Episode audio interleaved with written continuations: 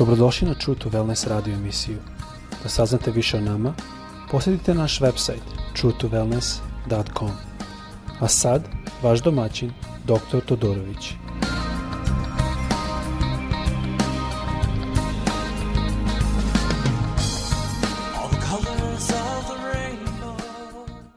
Ljubazni, dobar dan i dobrodošli na naš podcast. Pozdravljam vas opet iz Florida, dakle radim podcast. E, ovo je mala serica što sam želeo napraviti o Saulu i Davidu. I mi znamo iz reči Božje da je Bog ljubio Davida, ali nije ljubio i nije volio Saula. I mnogo puta me interesuje zašto. Zašto je Bog volao Davida, a zašto nije volio Saula? Mislim to je jako bitno pitanje da se odgovori. Zašto je Bog voda, volao čoveka koji je počinio preljubu, koji je počinio ubistvo, koji je puno grešaka radio, imao je, ne znam tačno sada, šest i nešto žena, ali pored svih tih situacija, pored svih tih stvari, Bog je volao Davida. Zašto? I šta možemo mi naučiti iz ove lekcije što ovde vidimo između Saula i Davida? Bitno je da se setimo i da znamo da reč Božja dana nama, da se možemo naučiti, da možemo shvatiti stvari, stvari koje su možda dublje i teže, da možemo shvatiti šta i kako Bog želi da se mi ponašamo. I mi ćemo čitati malo jedan tekst, to je prilično dug, duga priča, ne bi sad želao sve da čitamo. Ali pročitat ćemo jedno 4-5 stiha u prvoj Samuilovu knjizi 13. glava, počeoši sa osmim stihom. I početka sedmog dana od roka Samuilovog, a Samuilo ne dođe u Galgal. Galgal je bio grad gde su se oni sastali sada. Te se narod stade razilaziti od njega. Tada reče Saul, dodajte mi žrtvu paljenicu i žrtve zahvalne. I prinese žrtvu paljenicu. I kad prinese žrtvu paljenicu, gle, dođe Samuilu. I Saul izađe mu na susret da ga pozdravi, a Samuilo mu reče šta si učinio. A Saul odgovori, kad viđeh da se narod izlazi, razilazi od mene i ti ne dođe do roka. A Filisteji se skupili u Mihmasu. Rekoh, sad će udarit Filisteji na meni u Galgal i ja se još ne pomolih gospodu. Te se usudih i prinesah žrtvu paljenicu. Tada reče sam Milo Saulu, ludo si radio što nisi tržao zapovest gospoda Boga svoga koji ti je zapovedio. Jer bi sada gospod utrudio carstvo tvoje nad Izraelom, Izraelom doveka. Želo bi malo samo da objasnim šta se dešavalo ovde. Malo prije toga u gradu Mihmaš je Jonatan, i ovo je prvi put kad je njegovo ime iznešeno, a Jonatan sin Saula, koji je bio drugi od njega, je otišao sa malom grupom i napao Filistejce. On ih je pobedio. I onda je on napravio da su Filistejci jako namrzli njega. I ceo Izrael. Filistejci su došli sa, sa oko 30.000 konskih kola plus još ljudi kao pesak na obali, kaže reč Božja i sastali su se na, naprotiv Izraelu u Mismaš. Onda je Saul otišao nazad u Gilgal, gde se ovo dešavalo. I e, sada možete videti ovde šta je bilo. On je imao oko 3000 ljudi i a, imao je 2000 kad se to desilo i dodao još 3000, tako da je imao oprilike 5000. Ali Saul vidite da je bio jako uplašen. E sada, zašto on bio uplašen? Jonatan je napao sa samo mali broj ljudi i pobedio je. Velika razlika. A Saul, koji imao sada 5000 ljudi, on je bio jako uplašen. Samuel je rekao da će doći za sedam dana, ali on nije. I ovo mnogi puta bi ovo dalo nama možda jedan odgovor da kažemo pa eto nije došao, morao je ovaj dorad da nešto. Ali Saul je znao da Bog ne želi. to doba nije bilo dozvoljeno da on nudi žrtvu Bogu, nego morao to biti svećenik. E sada, ako gledamo to u današnje doba, ima tu puno lekcija što možemo doneti kući. Narod je tražio kralja, iako je Bog rekao, ja sam kralj, ne treba kralja. Do tada su imali sudije.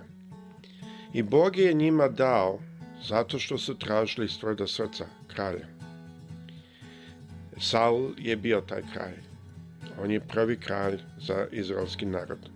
On je izabran od naroda. On je izgledao, reč Bože nam govori, da je izgledao glavu višlo od drugih. Da je izgledao ono baš kraljevski, da kažem. E sada, šta su lekcije ovde mož, što možemo naučiti? Mnogo puta mi u našim crkvama imamo svoje želje i, i svoje potrebe, jako možda gospoda to ne želi. I mnogo puta mi možemo izabirati i tražiti. Tražiti čoveka koji izgleda bogazan. Znate, ono, čovek koji služi Boga, koji je um, veran Bogu. Ali kao što vidite, kao i izraelski narod što je isto napravio grešku, mnogo puta mi po očima ne možemo pročita kakav je kon. On, Saul, je izgledao vrlo dobro.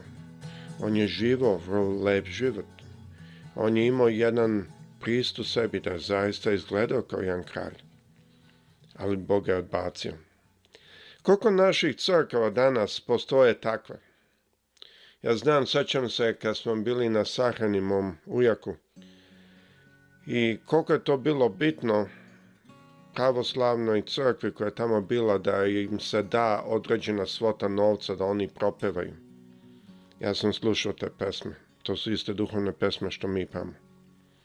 Ja sam mislio, gospode, kako, kako ovi to rade? A to a, ima reč da kaže džabe si dobio, džabe daj. Izabrali su da to ne, ne slušaju. Izabrali su da rade svoje. I ne samo to, nego mnogo puta kad mi radimo ljudsku stvar, takve crkve onda postanu sve više više uzmi, uzmi, uzmi.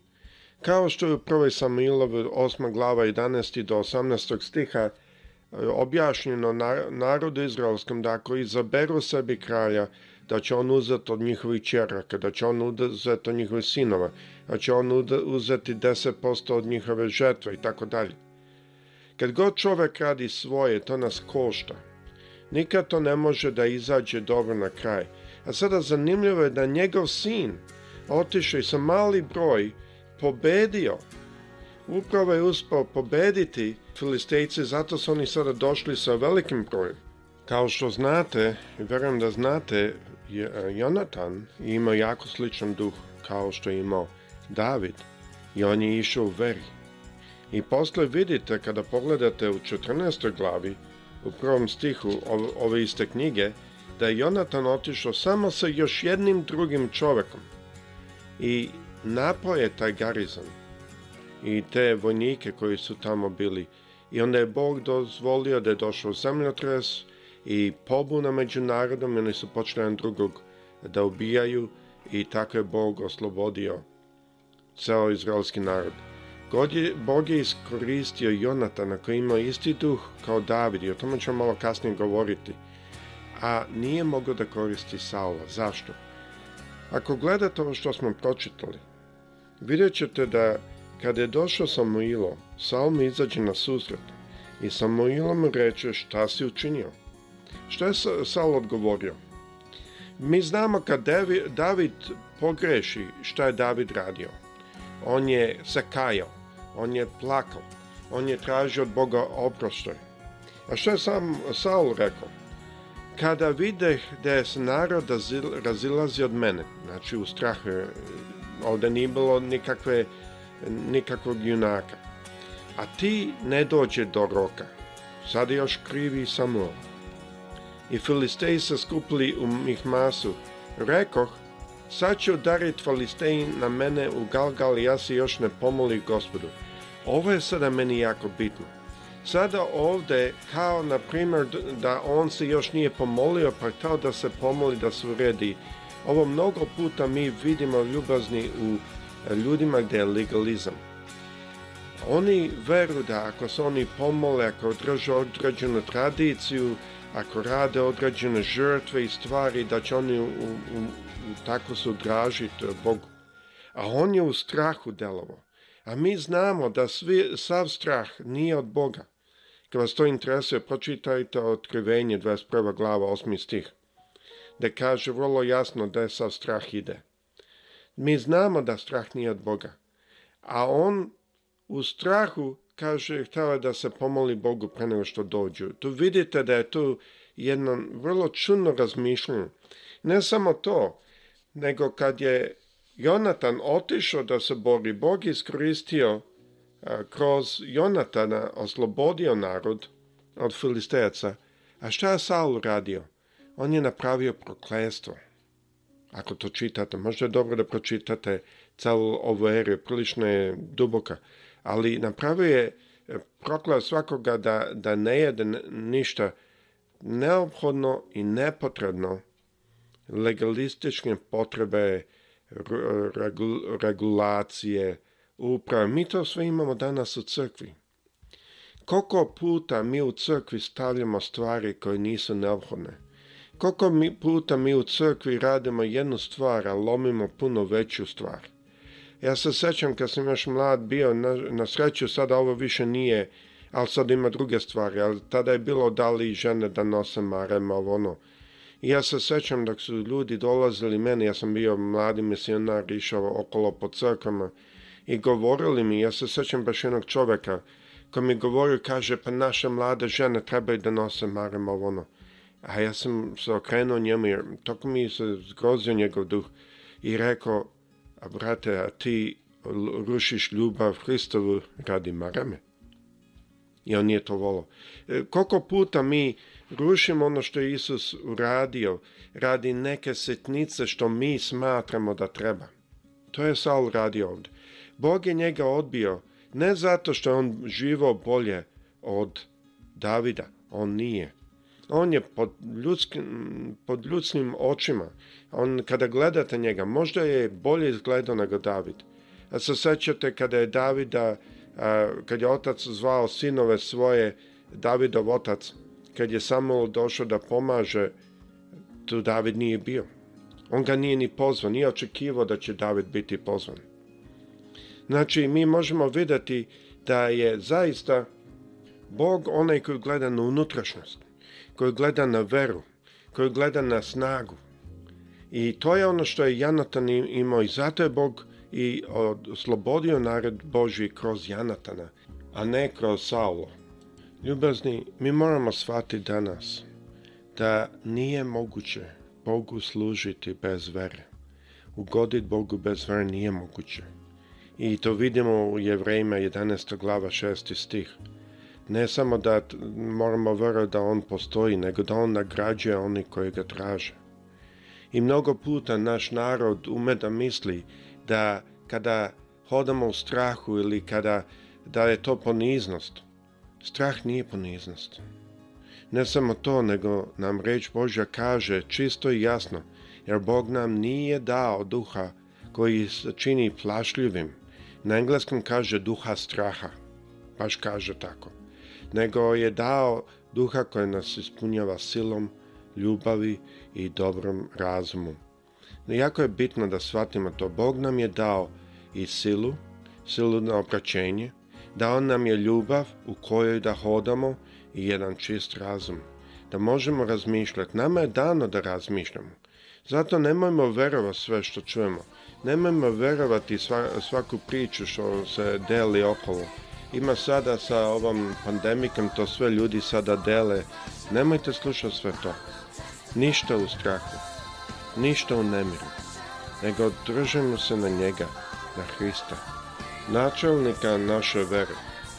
I onda će nas Gospod blagosloviti. Gospod sa svima vama.